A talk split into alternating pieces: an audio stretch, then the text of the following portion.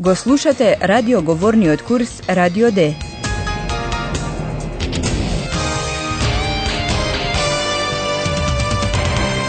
Заеднички проект на Гете институтот и Радио Дојче Веле. Авторка е Херат Мезе.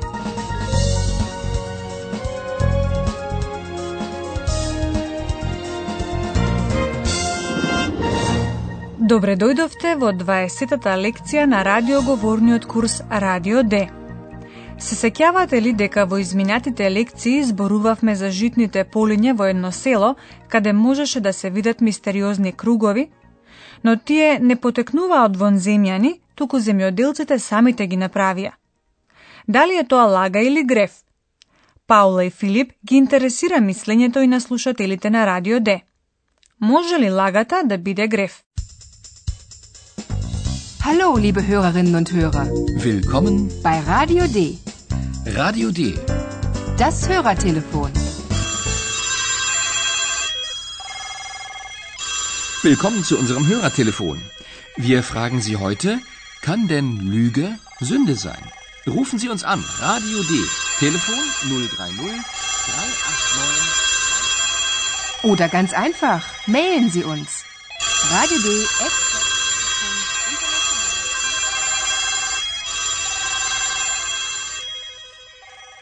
Значи, станува збор за луѓе, лага и зюнде, греф. Првата слушателка, господја Фриш, има јасно мислење. Едните беа клева, паметни, а другите дум, глупави.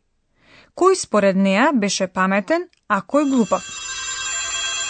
Und da ist doch schon eine Hörerin. Frau Frisch, was ist Ihre Meinung? Also wirklich. Mysteriöse Kreise von UFOs? Wer glaubt das denn? Also keine Lüge? Keine Sünde? Keine Sünde, keine Lüge. Die Bauern waren clever und die Touristen waren dumm. Mysteriöse Kreise von UFOs. wer glaubt das denn? Господја Фриш смета дека селаните, ди Бауан, беа клева, паметни, а туристите дум, глупави. Die Bauern waren clever und die Touristen waren dumm.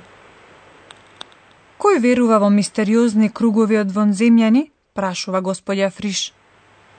Also wirklich. Mysteriöse Kreise von UFOs? Wer glaubt das denn? Според интонацијата на прашањето, кој верува во тоа, јасно може да се слушне дека сето ова за неа е бесмислено. Wer glaubt das denn? Одлучната господја Фриш, може би се сеќавате, е мајката на Филип. Таа многу често се возбудува, па Филип беше среќен што не се јави тој на телефон. Сега слушнете еден друг слушател, господин Перини, кој доаѓа од Италија. Тој не ја сваќа сериозно целата акција на селаните и на тоа повеќе гледа како на игра. Како се разјаснува тоа? Und da ist noch ein Hörer. Der Hörer heißt Perini? Herr Perini, ist das richtig? Ja. Was meinen Sie? Allora, Lügen. Wieso Lügen? Das war eine kleine Inszenierung. Äh, Inszenierung? Sì, naturalmente. Ein paar Kreise, ein paar UFOs, ein paar Euro, alles ein bisschen mysteriös. Basta. Und fertig ist die Inszenierung. Also keine Lüge? Keine Sünde? Scusi, ma die Deutschen haben immer ein Problem. Aber wo ist das Problem? Lüge, Sünde? Nein, nur ein bisschen Theater. Danke, Herr Perini. Und nun bitte nicht mehr anrufen. Bitte nicht mehr anrufen. Сигурно го слушнавте поимот инсценирање. Инсценирунг. Das war eine kleine Inszenierung. Може би мислевте исто така и на поимот театар, теата, и тоа се разбира точно. Lüge, Sünde? Nein, nur ein bisschen Theater. Господин Перини веднаш ги наведува и реквизитите кои припаѓаат на театарот и инсценирањето. Неколку кругови, неколку вонземјани и евра. И се тоа малку мистериозно спакувано. Ma sì, naturalmente. Ein paar Kreise, ein paar UFOs, ein paar Euro, alles ein bisschen mysteriös. Basta. Und fertig ist die Inszenierung. На прашањето на Паула дали станува збор за лага или дури за грев, синьор Перини укажува на тоа дека според негово мислење, ди дојчен, германците секогаш имаат проблем, иако тој не гледа никаков проблем. Scusi, ma die Deutschen haben immer ein Problem. Aber wo ist das Problem? Прашањето за слушателите гласеше, може ли лагата да биде грев? Wir fragen Sie heute, kann denn Lüge Sünde sein? Ова прашање подсетува на познатата песна на цара Леандер. Во 1938 година таа во еден филм ја испеа песната Kann den Liebe Sünde sein? Може ли љубовта да биде грев? Сега Филип ги замолува слушателите повеќе да не се јавуваат. Und nun bitte nicht mehr anrufen. Bitte nicht mehr anrufen. Сепак, последната слушателка успеа. М, нели е тоа гласот на... Lügen haben kurze Beine.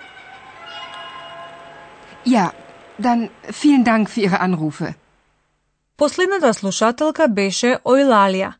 Таа се подсети на германската поговорка Lügen haben kurze Beine. На лагата и се кратки нозете. Lügen haben kurze Beine.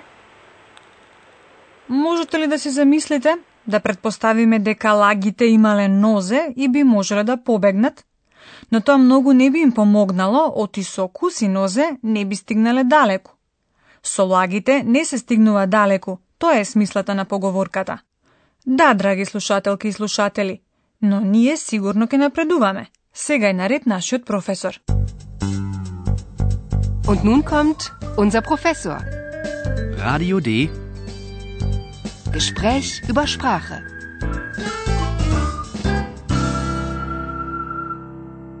Денеска ќе посветиме внимание на друга карактеристика во германскиот јазик, имено на членовите, ди артикл. Тоа се оние мали зборчиња кои што стојат директно пред именката, значи зборови кои значуваат лице, предмет или поим. Слушнете ве молам три примера. Der Hörer. Die Inszenierung. Das Problem. Во германскиот јазик има три члена. Der, die, das. Да, за жал се три и често мора да се користат. Членовите го покажуваат родот на именката. Членот деа означува машки род. Der Hörer. Членот ди е за женски род. Die Inszenierung. Членот das за среден. Das Problem. А зошто се вели, на пример, die Lüge? Дали лагата, на пример, е посебно женска? Ама ве молам се разбира дека не е. Особено ретко се наоѓа причина за родот кај менките. И тој во различни јазици исто така е различен. Лага и грев во францускиот јазик, на пример, се машки род. Значи, најдобро е членот да се учи веднаш заедно со именката, ако сакаме подоцна правилно да го употребуваме.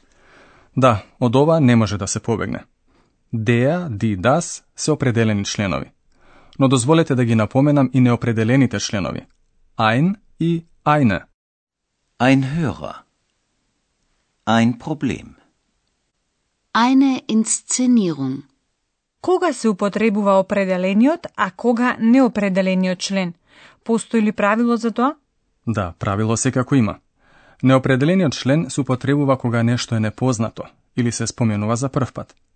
Така, на пример, Филип најавува еден слушател. Слушателот за Филип и за другите слушатели е непознат. Und da ist noch ein Hörer. Паула ја презема информацијата од Филип и ја дефинира поточно, со тоа што го кажува името на слушателот. Der Hörer heißt Perini. Употребата на погрешен член сепак не е толку страшна, господине професор, или? Не, толку лошо не е, а не предизвикува ниту проблеми во разбирањето. Но членот во германскиот јазик има многу влијание врз другите зборови на деклинацијата. Сепак, тоа е друга тема за некоја од наредните лекции. Да, за сега многу ви благодарам. Вие, драги слушатели, сега можете уште еднаш да ги слушнете сцените и дополнително уште една нова сцена.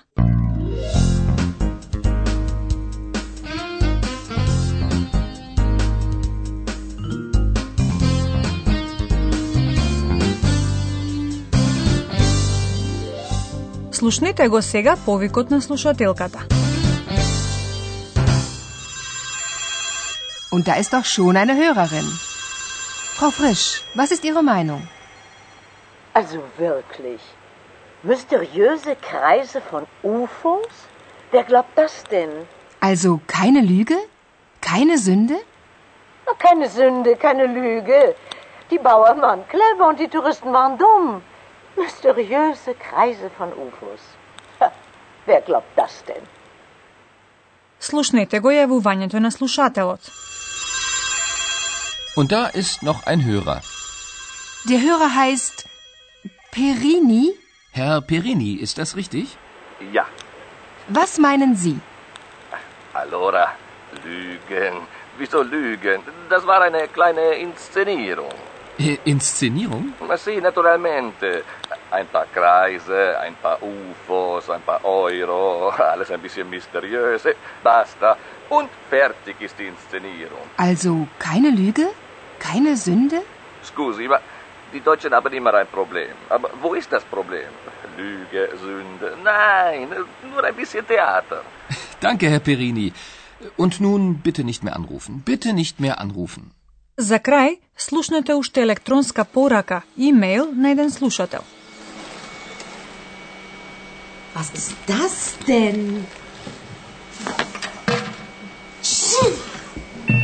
Gesundheit, Josephine. Danke. Hallo Kompu. Was machst du denn da? Ach, ich lese ein bisschen Mails, Hörer, Mails.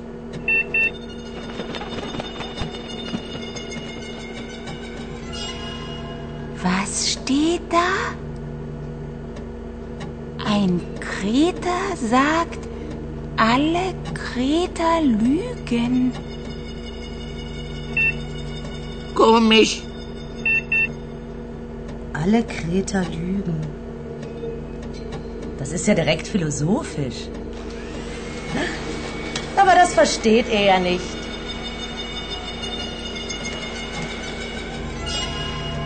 Ich schon. Ich nicht.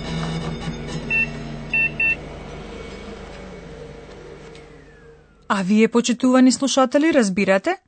Може би ќе ви помогне ако знаете дека Крета се жителите на грчкиот остров Крит. Но што значи тоа кога критјанин вели за критјаните дека сите лажат? Лаже ли тогаш и тој самиот?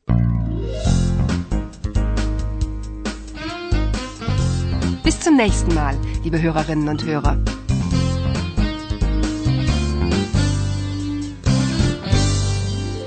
Го слушавте Радио Д, курсот по германски на Гете институтот и Радио Дојче Веле. Und tschüss.